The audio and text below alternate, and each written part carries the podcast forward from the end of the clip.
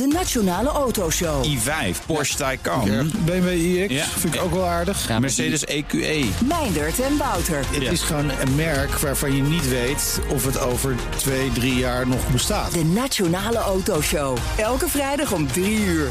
De Nationale Autoshow wordt mede mogelijk gemaakt door Van Mossel. Van Mossel, voor mobiliteit voor iedereen. Blijf scherp. BNR Nieuwsradio. The Big Five. Art Rooijakkers. Vanwege hardnekkige stemproblemen deed ik dit jaar een stap terug en viel letterlijk en figuurlijk stil. Na een traject van maanden ben ik nu hersteld en mag ik mijn eerste Big Five week aftrappen met het toepasselijke thema vallen en opstaan. Ik ga in gesprek met mensen die, net als ik, te maken kregen met tegenslag. Ieder op zijn of haar eigen manier. Welke lessen hebben ze geleerd? En hoe krabbel je na zo'n moeilijke periode weer op? Vandaag bespreek ik dat met Jaap Koelewijn. Hij was hoogleraar bedrijfsfinanciering aan de Business Universiteit Nijrode. Hij was FD-columnist, vaste stem hier op de zender. Tot hij twee jaar geleden met inmiddels veroordeelde fraudeurs in zee ging bij een investeringsfonds. Welkom. Afgesproken te tutoyeren. Ja. Dus voordat ik het met je ga hebben over de fraudeverdachte waar je bij betrokken raakte, wil ik eerst twee dingen van je weten. Ja. Hoe kijk je terug op de afgelopen twee jaar ten eerste? Nou, dat was een, eh, een buitengewoon hevige periode, nog steeds. Maar vooral toen het allemaal in de pers kwam. Nou, er kwam een tsunami over me heen van eh, publiciteit en mensen die afscheid van me namen. Zonder me overigens gehoord te hebben. Iedereen had ook direct een mening klaar over het dossier. Negatieve? Hele negatieve mening, ja. Ehm, dat stond zaterdag in de krant. En eh, maandagmorgen belden de eerste mensen op met de mededeling dat ik eh, kon vertrekken als commissaris, adviseur, weet ik allemaal wat. Nijrode belde om 1 uur middags met de mededeling dat het klaar was. maar ik heb ook ongelooflijk veel steun gehad aan mijn eh, directe omgeving, mijn familie, mijn zussen vooral. Mijn kinderen, die zijn ook zeer loyaal gebleven en me enorm gesteund, ook vrienden. En helaas is er ook een klein groepje mensen, maar dat is wel de minderheid uit de persoonlijke sfeer, ehm, die niets meer van mij wil weten. Nee. De, de tweede vraag die ik je wil stellen, want we komen hierop terug Ja. hoor, is, is hoeveel je- hoop je hebt op het herstel van je reputatie? Nou, ehm, dat wordt een heel, is een heel moeilijk verhaal. Kijk, ehm, zo niemand in, we zitten in een samenleving waarin iedereen ongelooflijk beducht is voor reputatie. Ik maak mee dat ik wel eens word uitgenodigd om ergens te spreken of iets. En dan, dan, dan nou, lijkt het allemaal rond te komen. En dan bellen mensen op. Ja, we hebben er nog eens over nagedacht. Dat is toch niet zo handig. Zeg, ben ik dan minder deskundig of minder betrouwbaar? Ja, het is niet zo handig. We doen het liever niet. Nou, dat betekent dat ook voor eh, functies met een publicitair karakter is het heel erg moeilijk. En nog steeds, hè, nu in de twee jaar, ik maak nu voor eh, regelmatig een podcast over beleggen. En, en dan, dan komt er toch, voordat ik zo'n podcast in de lucht gaat, komen er toch weer een paar mailtjes van, nou, die Koelewijn, wat is dat nou voor man? Waarop er wordt gezegd, ja, en is hij dan niet deskundig of zo? Ik bedoel, eh, hij, hij geeft zijn opinie over Ja. dingen. Je bent dat is- radioactief in zekere zin geworden. nou, de kwalificeerde iemand het heel aardig zei van het lijkt wel of je een malaatse bent. Terwijl ik denk, ja, ik adviseerde laatst ook al in een rechtszaak en dan eh, komt de wederpartij met alle artikelen uit de krant terug en die zegt dan tegen de rechtbank, ja, die koelen dit en dat, zus en zo. En waarop de rechter dan gelukkig vraagt van, is er een onderzoek geweest? Mhm. Is hij ergens voor veroordeeld? Is hij aangeklaagd? Nou nee, nou ja, wat heb je dan? Ja. Dat is dan natuurlijk de reactie die er bijvoorbeeld in de rechtbank is. Maar de, Ja. de gevolgen zijn, zijn groot die afgelopen twee jaar. Mhm. We komen er uitgebreid over te spreken. Ik wil eerst even kort het leven van Jaap Koelewijn Ja, proberen goed te zeg. Ja. te schetsen. Ehm, 66 jaar oud, Ja. eh, geboren in een streng gereformeerd nest. Nou, gereformeerd, gewoon gereformeerd, Gewoon niet streng gereformeerd. Ben je nog gelovig? Op mijn manier. Maar ik, ik ehm, Je hebt schietgebedjes gedaan de afgelopen twee jaar? ja. Ehm, kijk, mijn overtuiging is dat je als mens niet voor jezelf kunt leven. Eh, je moet in wat je doet altijd eh, meewegen hoe de ander zich tot jou verhoudt. Hè. Dat heeft de allereerste econoom Adam Smith al gezegd. Van, nou, je kunt alleen maar leven vanuit de gedachte van eh sympathie, van medeleven, meevoelen met je medemens en reciprociteit. Dus je kunt nooit in je leven alles alleen maar voor jezelf doen. En ik merk ook in persoonlijke relaties Mhm. dat het bij mij altijd fout gaat als ik te doen heb met mensen die alleen maar voor zichzelf gaan. Ja, dus dat is in ieder geval vanuit het geloof meegenomen Ja. in, in je overtuigingen. Op je veertiende kocht je je eerste obligaties van een erfenis van oma, begreep Ja, ik. klopt, ja. ja. Daarna gepromoveerd op bankentoezicht. Er zat lang tot periode tussen. Ja, Ja, maar het had wel 1992 was dat. elkaar. Promoveren duurde zeven jaar. Ja, ja, Toen waren het de jaren 90. ja. Toen kon het geld niet op. Waarom ging je niet gewoon handelen in obligaties?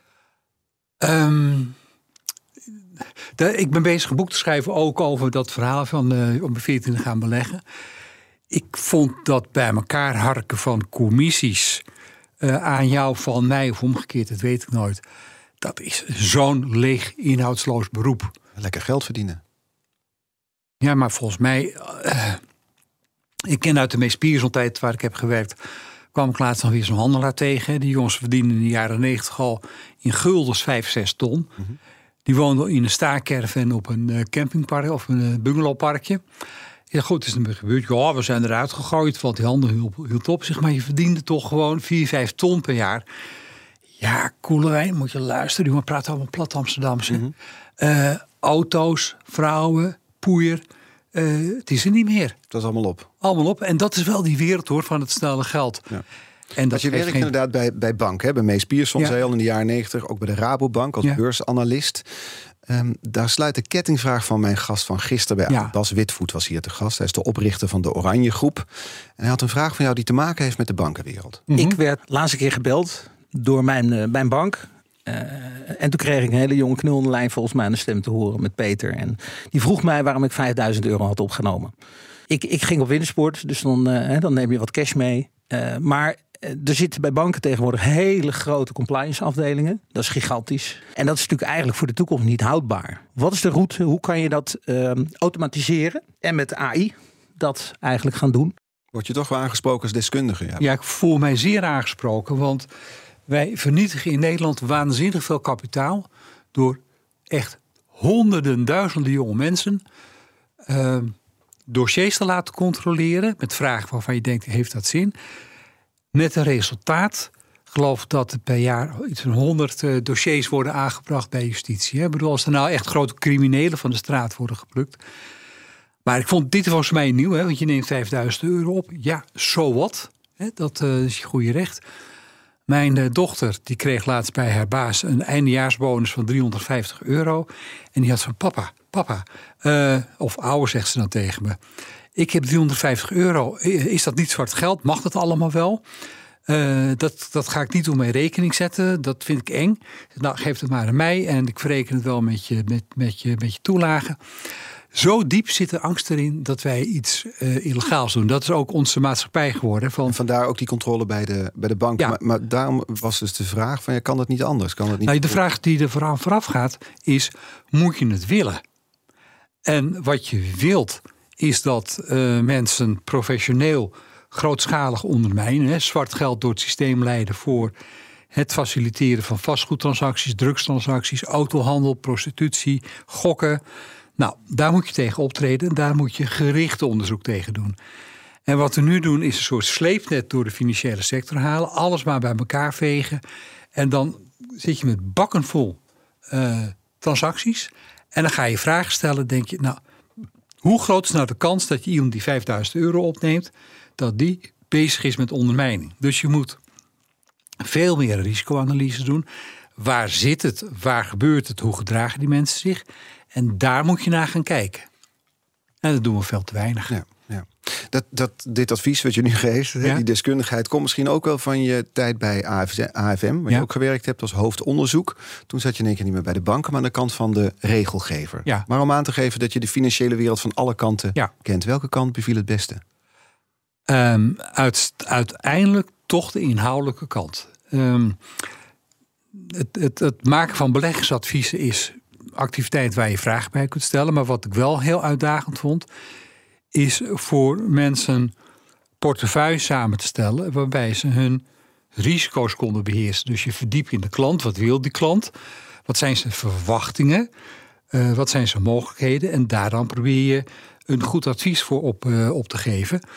En ik heb altijd tot mijn taak gehouden om mensen te behoeden voor producten die niet passend zijn. Of het nou aandelenlease is, uh, woekerpolissen, cryptocurrencies. Praat met mensen over van wat verwacht je ervan, wat kun je ermee. Uh, ik had laatst iemand die wilde weer in wijn gaan beleggen. Ik zeg, joh, wijn moet je opzuipen. Maar je gaat geen Bordeaux kopen om die in een kast te leggen en vijf jaar later te kijken of het nog wat waard is. Markten zijn onvoorspelbaar, het kost je alleen maar geld. Leef leuk. Ik vind het een mooi advies. Ja. BNR Nieuwsradio. The Big Five. Art Rojakkers. Met vandaag de gast Jaap Koelewijn, voormalig hoogleraar aan Nijrode, eigenaar van dienstverlener Financieel Denkwerk. En Jaap, we hebben net eh, heel kort je leven geschetst. Ja. Dan kunnen we wel stellen dat je vrijwel je gehele werkzame leven hebt gewijd aan de financiële wereld. Ja, aan beleggen. Ja. Ja, uh, bij banken gewerkt, bij de toezichthouder, als hoogleraar corporate finance bij Nijrode. Een leven waarin je veel waardering kreeg. Ja. Bijvoorbeeld hier op de zender, vaste Ja. deskundige, columnist bij het FD. Die opzomming klopt tot nu toe, toch? ja. Hoe kan het dan dat je met al die ervaring en kennis op je 64ste betrokken raakt bij een drietal beleggingsfondsen met mensen van wie je wist dat ze bij meerdere fraudezaken betrokken waren geweest? Ja, nou dat is een goede vraag en die heb ik mezelf ook gesteld. En ik kijk natuurlijk terug hè, van hoe kun je daarin trappen. Hè, en dat ehm, uiteindelijk ben ik er, heb ik me erin laten trekken. Ik heb natuurlijk zelf besloten. Hè. Ik heb zelf meegedaan. Ja, hoe gaat dat? Het gaat langs de weg der geleidelijkheid. Ik werd eh, drie jaar geleden alweer gebeld door Bob van der Mast, hoofdrolspeler in het dossier. Die vroeg mij of ik wilde adviseren bij een klein beleggersplatform. En ehm, nou, dat was advies. En ik praatte af en toe met een aantal mensen. En eh, dat is later weggezet door het Financiële Dagblad... dat ik daar een prominente rol vervulde. Nou, ik gaf het advies. Ehm, en toen kwam hij door met een eh, volgende beleggingsfonds. Sinvest, keurig beleggingsfonds. Nette mensen, niks meer in de hand. Of ik daar de raad advies wilde gaan doen. Later commissaris. En toen kwam hij door met Michel Geurkink. Ik mag de naam noemen, het staat ook in het vonnis. Ja, en de- we hebben het dus over drie fondsen: Topfund, Eurofonds en Tradelot. Daar, staat er helemaal buiten. die staat er buiten. Laten we focussen op Topfunds Ja. en Eurofonds dan. We begonnen met topfunds.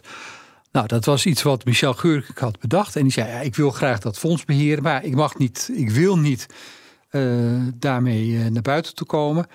Daar hebben wij een keurig gestructureerd beleggingsfonds opgezet. Het bestaat nog steeds. En de AFM heeft ernaar gekeken.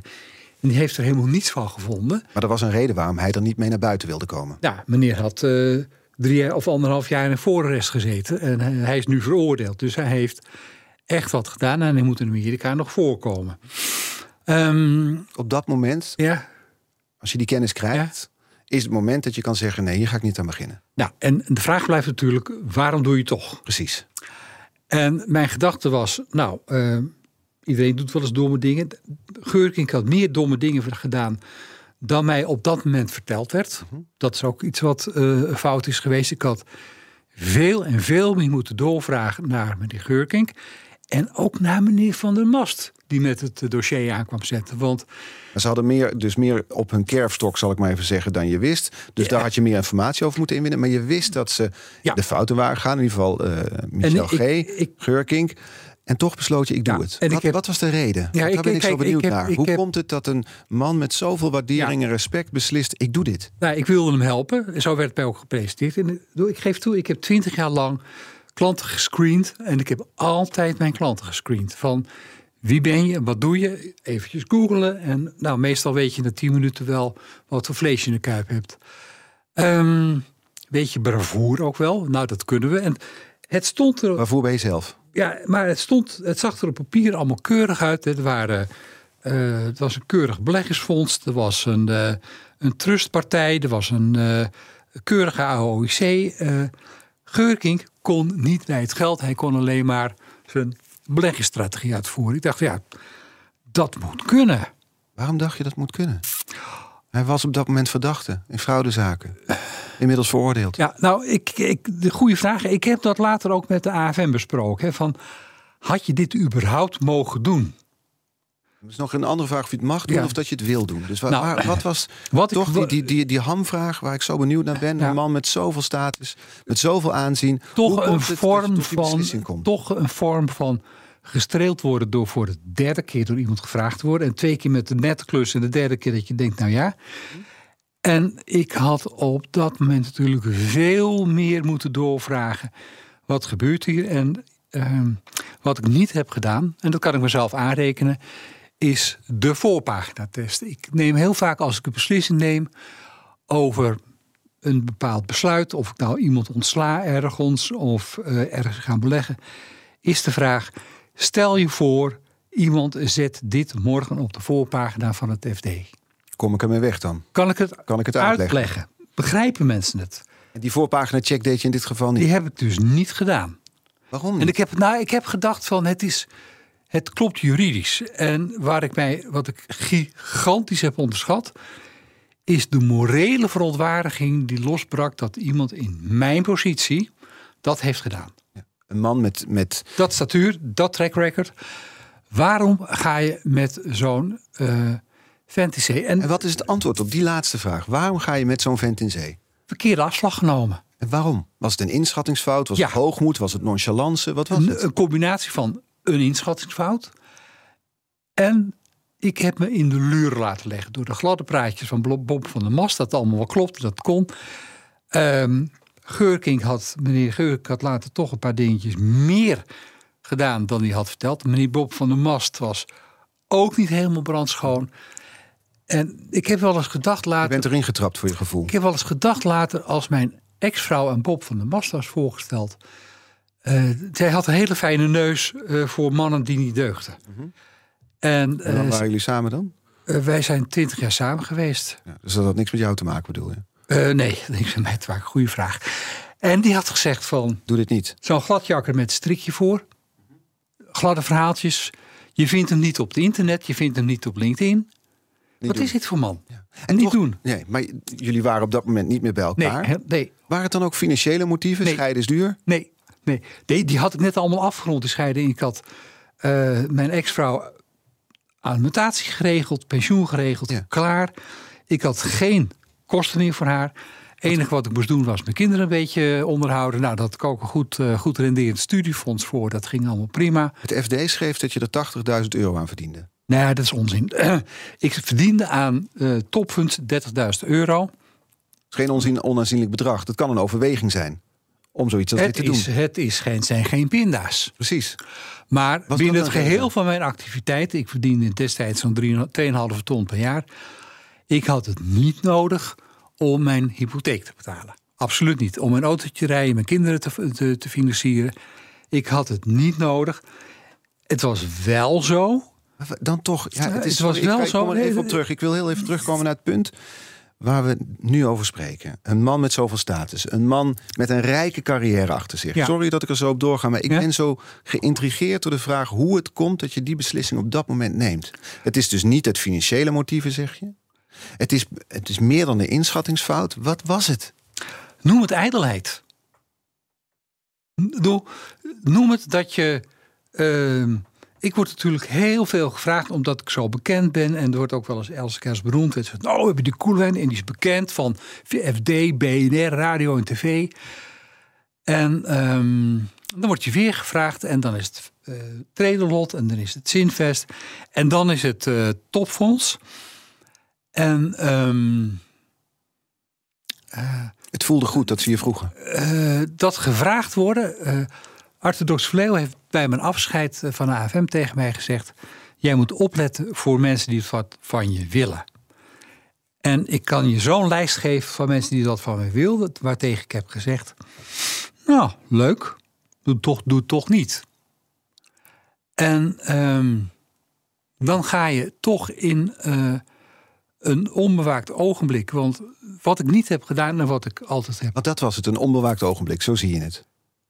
Ik, ik heb de gewoonte in mijn leven om als ik een belangrijke beslissing moet nemen. Of ik nou een student een onvoldoende ga geven voor een scriptie. Of dat ik eh, een beleggingsvoorstel formuleer, wat dan ook allemaal. Om gewoon even tegen iemand aan te gaan praten. Eh, dat ik bij een vriend of vriendin langs ga of bij een adviseur zeg van nou, dit ben ik van plan. Mhm. Wat vind je ervan? Een Ik heb, klankbord. ja, ik heb ook over. En is dat in dit geval ook gebeurd? ik Wil je heb over naartoe? topfondsen wel advies gevraagd, maar aan een jurist. En die zei, het mag. En ik had voor mezelf moeten concluderen, ja, dat mag dan wel. maar wil je het ook? En nu met kennis achteraf ehm, heb ik niet goed geluisterd naar het stemmetje in mijn achterhoofd. Ik heb daar ook een publicatie over gemaakt. Is dat je op een gegeven moment jezelf gaat lopen rechtvaardigen. En dat, dat, dat is een geleidelijk proces van, eh, nou ja, je weet wel een beetje dat het niet deugt, of dat is misschien niet zo handig, maar dat doe je toch. En dan zit je, dan gaat het allemaal hartstikke goed. En dan zie je, zie je wel, ik kan het toch. En dan ontploft het. Je kan ook niet meer terug misschien voor je gevoel. Komt niet meer terug, want je zit erin. Een gegeven gebeuren er bij Eurofonds dingen. Dat denk ik, ja, hier moet ik ingrijpen. Hier moeten de dingen gaan gebeuren. Ja, en dan probeer je dingen nog te repareren. Ja, en dan, we hebben het Bob van der Mas als commissaris ontslagen. En eh, dan opeens twee weken later weet het Financiële Dagblad anders. Die heeft onze complete dossiers. En meneer Van der Mas die zegt, nou, ik heb gesmeekt dat uh, ze niet zouden doen met Eurofonds. Terwijl hij bij ons is komen smeken dat hij zo graag mee wilde doen. Nou, en die FD, publicatie zorgde dus voor de maatschappelijke val. We gaan straks verder spreken op eh, Ja. wat voor gevolgen dat voor je allemaal heeft. En of de straf die je hebt gekregen, want dat is het toch een maatschappelijke straf, of die buitenproportioneel of misschien gewoon proportioneel is of niet. Daar gaan we over spreken. Morgen is Glenn Helder trouwens de gast, ex-profvoetballer. Die weet wat vallen betekent. Abonneer je op onze podcast via je favoriete podcastkanaal om geen enkele aflevering te missen van de Big Five. Zometeen praat ik dus verder met Jaap Koelewijn. Blijf luisteren. The Big Five. Art Rojakkers. Welkom bij tweede half uur. Deze week vijf kopstukken uit de wereld van het vallen en opstaan. Morgen praat ik nog met voormalig profvoetballer Glenn Helder over zijn val. Vandaag de gast Jaap Koelewijn, voormalig hoogleraar Corporate Finance en Nijrode... en eigenaar van Financieel Denkwerk, een dienstverlener. Komend half uur wil ik graag nog twee onderwerpen sowieso met je bespreken. Namelijk het repareren van je imago, je reputatie. En ook de publieke val. Om met dat laatste te beginnen. We hadden het over eh, in het begin al kort over Nijenrode, die eh, om half eens middags volgens mij had je contact met ze. Ja. één uur s ochtends stond in de krant wat er, nou, het, het artikel dat je een heleboel kostte eh, in het FD. Eh, hoe ging zo'n telefoontje met de rector van Nijenrode eigenlijk?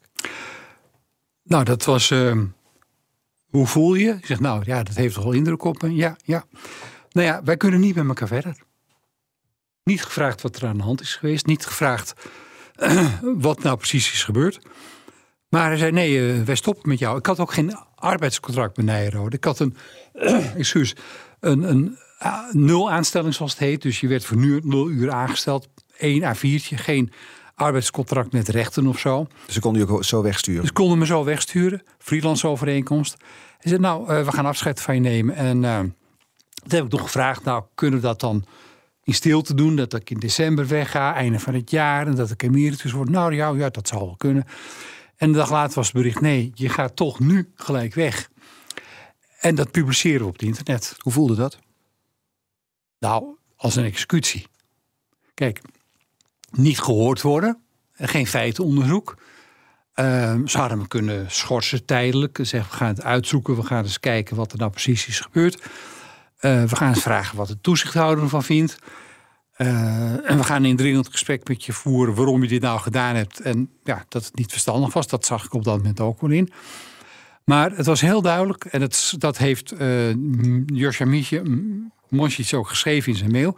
Van nee, we moeten nu metten met je maken. Weg, we willen niks met je te maken hebben. En uh, daarom gaan we ook nu je gelijk wegsturen. Niet een paar maanden later, nu direct weg. Dat Nou was ja. het begin van, van een soort lawine die denk ik over je heen Ja, kwam. want Want, het stond- vervolgens raakte je heel veel meer kwijt. Ja, Eh, je werd persona non grata. Volgens mij kunnen we het wel wel stellen. Dat was dat eind zacht uitgedrukt. 2020. Ja, ja. Je deed nog één interview hier op deze zender, omdat je je vaste gast was. Wat kreeg je allemaal over je heen in de maanden daarna? Nou, eh, dat was eh, eigenlijk gewoon kort en goed. ehm partijen die belden, mailden van het is klaar. Ook, ook niet je uitnodigen voor een gesprek of zo, of een feitenonderzoek doen. Er zijn één of twee partijen die hebben een feitenonderzoek gedaan. En die zeggen, ja, ja, daar, eigenlijk is er niks fout gegaan. Maar ja, vanwege de publiciteit stoppen we ermee. Ehm en en wat, wat ook zo is, is dat... eh, eh, ja, moet zeggen, ehm, het is mij heel erg opgevallen. Is, we zitten heel erg een wereld van morele verontwaardigingen. Van, oh, oh, oh, jij doet wat fout. Wie van u zonder zonde is, werpen eerste steen, denk ik dan. En er is geen vergevingsgezindheid. En iedereen is bezig van, eh, zoals een, een opdrachtgever zei. Ja, je moet van onbesproken gedrag zijn. Er moet eh, uit alles blijken dat je deugt. Ja, beste meneer, ik heb een foutje gemaakt. Zou het ook kunnen, die vergevingsgezindheid, dat je voor mijn gevoel, misschien heb ik het mis hoor, no- nooit echt een keer diep door het stof bent gegaan. Ik een ben- grote mea culpa hebt gemaakt. Ik- Bijvoorbeeld het interview hier op de zender met mijn collega Thomas van Zaken doen. Ja, Thomas van Zel, die, ik hoorde je daar praten en ik dacht, dit is een man die excuses aan het zoeken is. In plaats van te zeggen, ik heb iets heel doms gedaan en dat spijt me. Ik heb iets heel doms gedaan en ehm, dat ben ik met je eens. En nou, nu zeker nu ik er langer op terugkijk. Ik gaf de laatste presentatie over mijn dossier. En toen was ook, ook mijn inleiding van ja, eh, ik moet u proberen uit te leggen hoe dit gekomen is. Maar er is eigenlijk geen uitleg voor. Als je terugdraait, als je alles op een rijtje zet, dan had ik met een hele grote boog om die mensen heen moeten lopen. En ik had, eh, en dat is ook een cruciale fout geweest. Ik had de credentials van Bob van der Mast, die die hele zaak had opgezet. Die had ik moeten onderzoeken en had ik moeten constateren. Deze man is alleen maar eh, erop uit om op een makkelijke manier wat centjes te Nee, verdienen. maar even, Die- even terug naar het Ja? punt dat ik wilde maken Ja. over die mea culpa. Om echt door, diep door het stof te gaan. Je kreeg bijvoorbeeld die kans hier op zender. Misschien waren er wel andere mogelijkheden. Ik denk dat mensen wellicht dan vergevingsgezinder waren geweest. Ja, ik, ik vond in, ehm, bij Thomas Zeil, ik heb ook toen gezegd, ik had het niet moeten doen, ik had niet moeten instappen. Maar er zit ook een andere kant aan. Mhm. En die andere kant is dat je, ja, dat, dat ik ook een mens ben en eh, eh, mij in verleiding heb laten brengen en daarop ingestapt ben. Hè. Ik had natuurlijk in het hele proces twee of drie keer nee kunnen zeggen. En dat is niet gebeurd. Heb Maar- ik niet gedaan. Nee, daar, daar hebben we het uitgebreid over gehad. Maar dan wil ik eigenlijk daarna. Dus de maatschappelijke Ja. val waar we het over hebben. Eh, je zegt er is, eh, we leven in een wereld van morele verontwaardiging. We leven in een wereld die niet vergevensgezind is. Ja. Dat, dat is Zonder Nou, feitenonderzoek. dat is observatie over de wereld. Als je naar jezelf kijkt, denk je dat je in die afgelopen twee jaar zelf iets anders had kunnen doen? Nou, ik heb me rustig gehouden. Zegt hij met twinkelende ogen. Nou, dat kost me moeite. Ehm, ik heb ge- gedacht van, nou, ik moet zorgen dat ik zelf overeind blijf. Is dat Ehm, lastig? Zijn er momenten geweest dat je mentaal zo diep zat? Dat Ja. je- Dat heb ik ook uitvoerig aan Vasco van der Boom verteld van het FD. Ik zeg, joh, jij hebt me tot het randje gebracht met dat verhaal. En ik heb met het FD nog gepraat over, nou, ik wil best een keertje terugblikken en daarin ook een mea culpa doen. En ze zei, ja, je zit er wel heel erg persoonlijk in. En wat mij ontzettend, te- nou goed, er is nooit de gelegenheid Wil je tot het randje gebracht? Mentaal gezien, hoe was je eraan toe? Nou, ik heb, ik heb geen gedacht van... als ik nu eh, twee flessen jenever klaar leeg drink... is het op een prettige manier klaar. Als je op één dag twintig telefoontjes hebt gekregen... van mensen die rottigheid over je uitstorten... als zulke koppen in de krant komen... eh, dat je ontslagen bent als hoogleraar... en dat alle kranten met wie ik jarenlang heb gewerkt... Hè, FD, NRC, Trouw, Parool, Volkskrant... je gewoon afvakkelen. Totaal. En, ehm, Je raakte alles kwijt. ja, en ook, ook iemand Peter Waard van de Volkskrant heeft mij niet gesproken. Maar dan, Ja? je zegt dus de, twee flessen jenever, dan is het een prettig eind. Zo diep zat je. Ja. Wat hield je overeind? Ehm, mijn zoon belde mij, die zat in Londen, die deed daar zijn master en die zat daar in een lockdown. Dat schiet lekker op. Die zegt, pa, dat ga je even niet doen. Niet doen, eh, dan berokkel je jezelf schade, je berokkelt ons schade. Doe het niet. Nou, dat was ook maar een kortdurend moment, om één uur s'nachts of zo. Eh, en toen dacht ik van, nou, ik moet mijn leven herpakken. En eh, ik heb toen twee dingen gedacht. Eerst was, ehm, ik was al jaren bezig met de gedachte, ik ga een boek schrijven. Nou, daar ben ik nu bijna mee klaar. En mijn tweede gedachte was, ik ben een vent die 118 kilo weegt. Een BMI van, 5, van 34 heeft. eh, al een, dotterbehandeling heeft gehad. Ehm, wil ik uh, zwelgend in het vet eh, aan mijn einde komen of ga ik toch iets aan mijn gezondheid doen? Ik heb het laatste besloten. Het is mij de afgelopen twee jaar gelukt om af te vallen van 118 naar 80 kilo. Dus ik heb nu Dat is een behoorlijke voor, prestatie. ja, ik heb nu voor het eerst sinds eh goede 40 jaar weer een normaal BMI. En daar ben ik heel erg trots op. Ja, dat mag ook best. Ja. Dat is ook een knappe prestatie. En ja. is dat iets wat te maken heeft met dat wat je maatschappelijk meemaakte? Dat je, dat je dacht, ik ga nu op deze manier aan mezelf werken? Ja, en ehm, ook als je in de spiegel kijkt en je ziet je eigen kop, denk ik van, ik kan linksom of rechtsom. Ik heb gewoon een vatsige kop. En dan wil ik wat aan doen. Dat, maakt, dat is geen gezicht. Uh, broeken zitten te krap, pakken zitten te krap, uh, boordmaat is te groot. Ja, dus er moet iets aan. gebeuren. Moet iets aan gebeuren. Ja, en nu was er misschien wel tijd voor, omdat er een heleboel klussen wegvielen. Nou, die, dat is heel verleidend als je het uh, met de boek aan het schrijven bent thuis. Dan is de verleiding om te gaan eten en nootjes en snoepjes vrij groot. ja. En toen heb ik gedacht, oké, ik moet mijn systeem één reptiele brein nu uitschakelen. Mhm. Dat eten, snaaien, doen. Systeem 2, dat zegt mij, eet regelmatig, eet gezond. Ka uh, met vezeltjes, uh, complexe koolhydraten. Ik heb diabetes, moet ik er ook goed op letten. En beweeg. Ja. Toch heel even, want nu heb je het over je reptiele brein en je tweede brein en je verstand en, en noem maar op en zo. Dan kom ik toch weer terug op het punt, hoe kan het, was het je reptiele brein dat je die verkeerde beslissing deed nemen ooit? De verleiding, gewoon domweg de verleiding dat het wordt voor je neergelegd. En dan denk je, ach, moet kunnen. Hebben we het nu over de beleggingsfonds of over die nootjes? Nee, beleggingsfonds. Die nootjes heb ik nog wel eens een keertje last van. Ja, maar die beleggingsfondsen lagen en ik dacht, ach, het moet kunnen. Um, ik, in mijn boekje wat ik erover aan het schrijven ben, heb ik het over uh, dat je gaat zelfrechtvaardiging gaat bedenken. Ergens weet je dat het fout zit, maar je gaat het bagatelliseren, je gaat rationaliseren. Uh, je zegt dat het allemaal losloopt en nou ja, ze komen er toch niet achter. Wel, mijn ervaring is nu dat wat je ook doet in het leven, elk appje, elk mailtje, dat is dus openbaar. Mm -hmm. En het kan, uiteindelijk komen mensen erachter. Uiteindelijk komen ze overal achter. Dus toen en die zelfrechtvaardiging zat erin. Ik mag dit ook wel een keer doen. Of wat was die zelfrechtvaardiging? Een beetje stoer. Uh, het idee van ik probeer iemand te helpen. Nou, daar ben ik op teruggekomen. Daar wil ik het zo nog even over hebben. Um, um, het cowboygedrag? Nee, want ik heb nooit cowboy dingen gedaan. Het was meer van nou, we regelen het allemaal heel goed. We hadden het ook heel goed geregeld. Het is nog steeds goed geregeld. Want even voor alle helderheid, het is misschien toch wel goed om hier te bespreken. Door de beleggers die die drie fondsen, uh, sorry, de, de, beleggers van die drie fondsen, zijn zij opgelicht? Zijn mensen nee. geld kwijtgeraakt? Nee, er is geen cent verdwenen. Nee. Ze bestaan ook alle drie nog? Uh, Traderlot heb ik niks mee te maken. Uh, Topfunds bestaat nog en ik weet dat Eurofonds, ik ben niet meer betrokken, uh, op dit moment ontbonden wordt omdat de resultaten niet zijn zoals er verwacht werd. En de ISW-partij nou, niet altijd even makkelijk is. Maar daar ben ik niet exact voor op de hoogte. Nee, nee. maar dus met andere woorden, de, de investeerders of de, de beleggers zijn hun geld niet kwijt. Nee, en die zijn ook allemaal gewoon blijven zitten. Ja, in die zin is er niemand benadeeld. Nee. The Big Five. Art Rojakkers. De Big Five vandaag met Jaap Koelewijn, voormalig hoogleraar aan Nijrode, columnist bij het FD, vaste stem hier toch wel op BNR. Uh, dat allemaal niet meer. Je was 64 toen dit allemaal gebeurde, Jaap. We zijn Mhm. nu twee jaar verder. Lukt het jou om naar de toekomst te kijken? Daar ben ik nog steeds hier actief mee bezig. Kijk, ik ben nu 66, krijg in december AOW. Hm? Ehm, maar mijn geest is nog goed.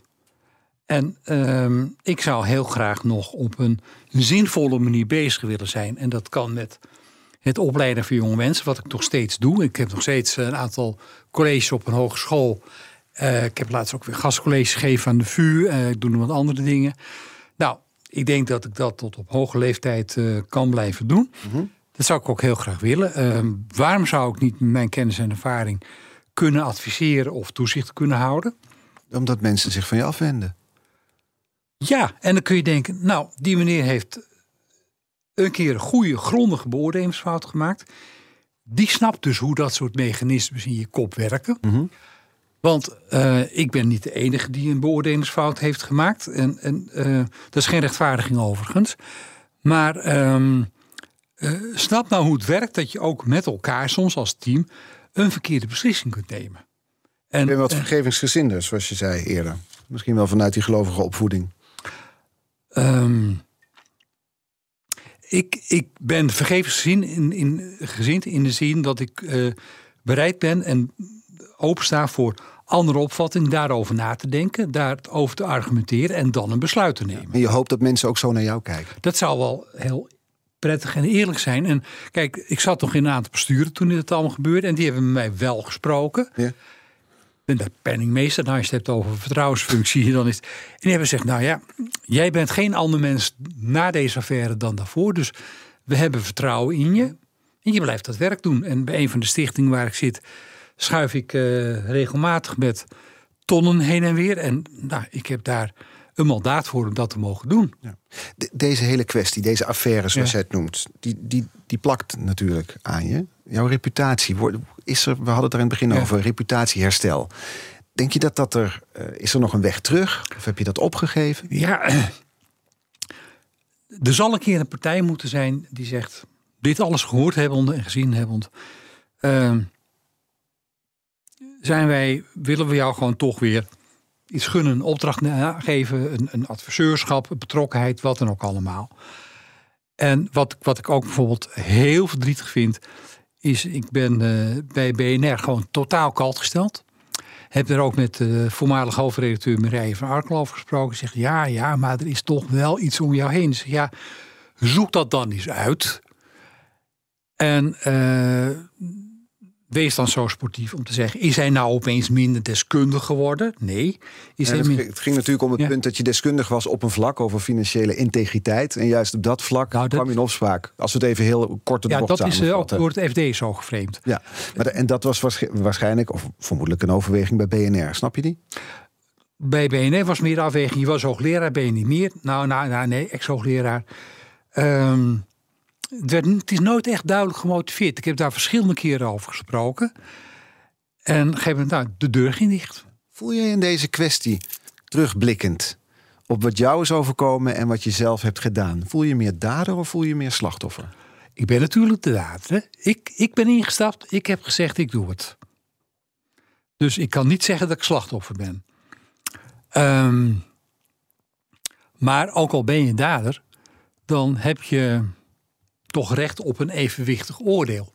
En een feitenonderzoek. En een fatsoenlijke behandeling. En als ik kijk naar hoe mensen met mij zijn omgegaan. Heel veel partijen hebben geen feitenonderzoek gedaan. Die eh, concluderen om middags dat het klaar is. Die behandelen me niet netjes. En eh, wat mij toch het is tegengevallen. eh, ik heb een aantal situaties wel drie, vier, vijf jaar met mensen gewerkt als eh, promotor, et cetera. Weg, gewoon klaar, af, uit, over. Denk, ja, kom op zeg, heb ik dat nou verdiend? Nou, al die jaren daarvoor bedoel je? Al die jaren daarvoor en mensen gewoon goed geholpen. 15 jaar loyaal geweest aan Nijenrode. Altijd eh, bereid om in het publieke domein op te treden. Dan had je ook... eh ze hadden na kunnen denken over hoe, hoe gaan we daar nou mee om als organisatie. Nou, dat is niet gebeurd. Nee. Dus in, in die zin is de straf buitenproportioneel voor je gevoel. Ik had een paar weken daarna een gesprek met de autoriteit Financiële Markten. En toen zei ze in de marge van dit gesprek van nou, wij snappen niet waarom je zo idioot hard wordt gestraft. Buitensporig, die term werd gebruikt. Nou, en laat het zo zeggen, ja, ik heb een fout gemaakt. Je kunt me dat aanrekenen. Daar moet ik me over verantwoorden. Dat is ook wat je hier doet. En daarom de vraag, Ja. want we hadden het over de keuze die je maakt. En je zei daarin in een bijzin, misschien was het ook wel ijdelheid. Ik werd gevraagd, en dat streelt ook je ego. Een man die zijn carrière, hè, een grote carrière met veel status bouwt op dat wat hij heeft, zijn kennis, raakt dat kwijt door een verkeerde beslissing. Ja. Wat doet dat nu met jou na twee jaar als mens? Dat voelt heel zuur. En ik moet dus inspiratie plu- eh, eh, Want status Putten. was belangrijk voor je.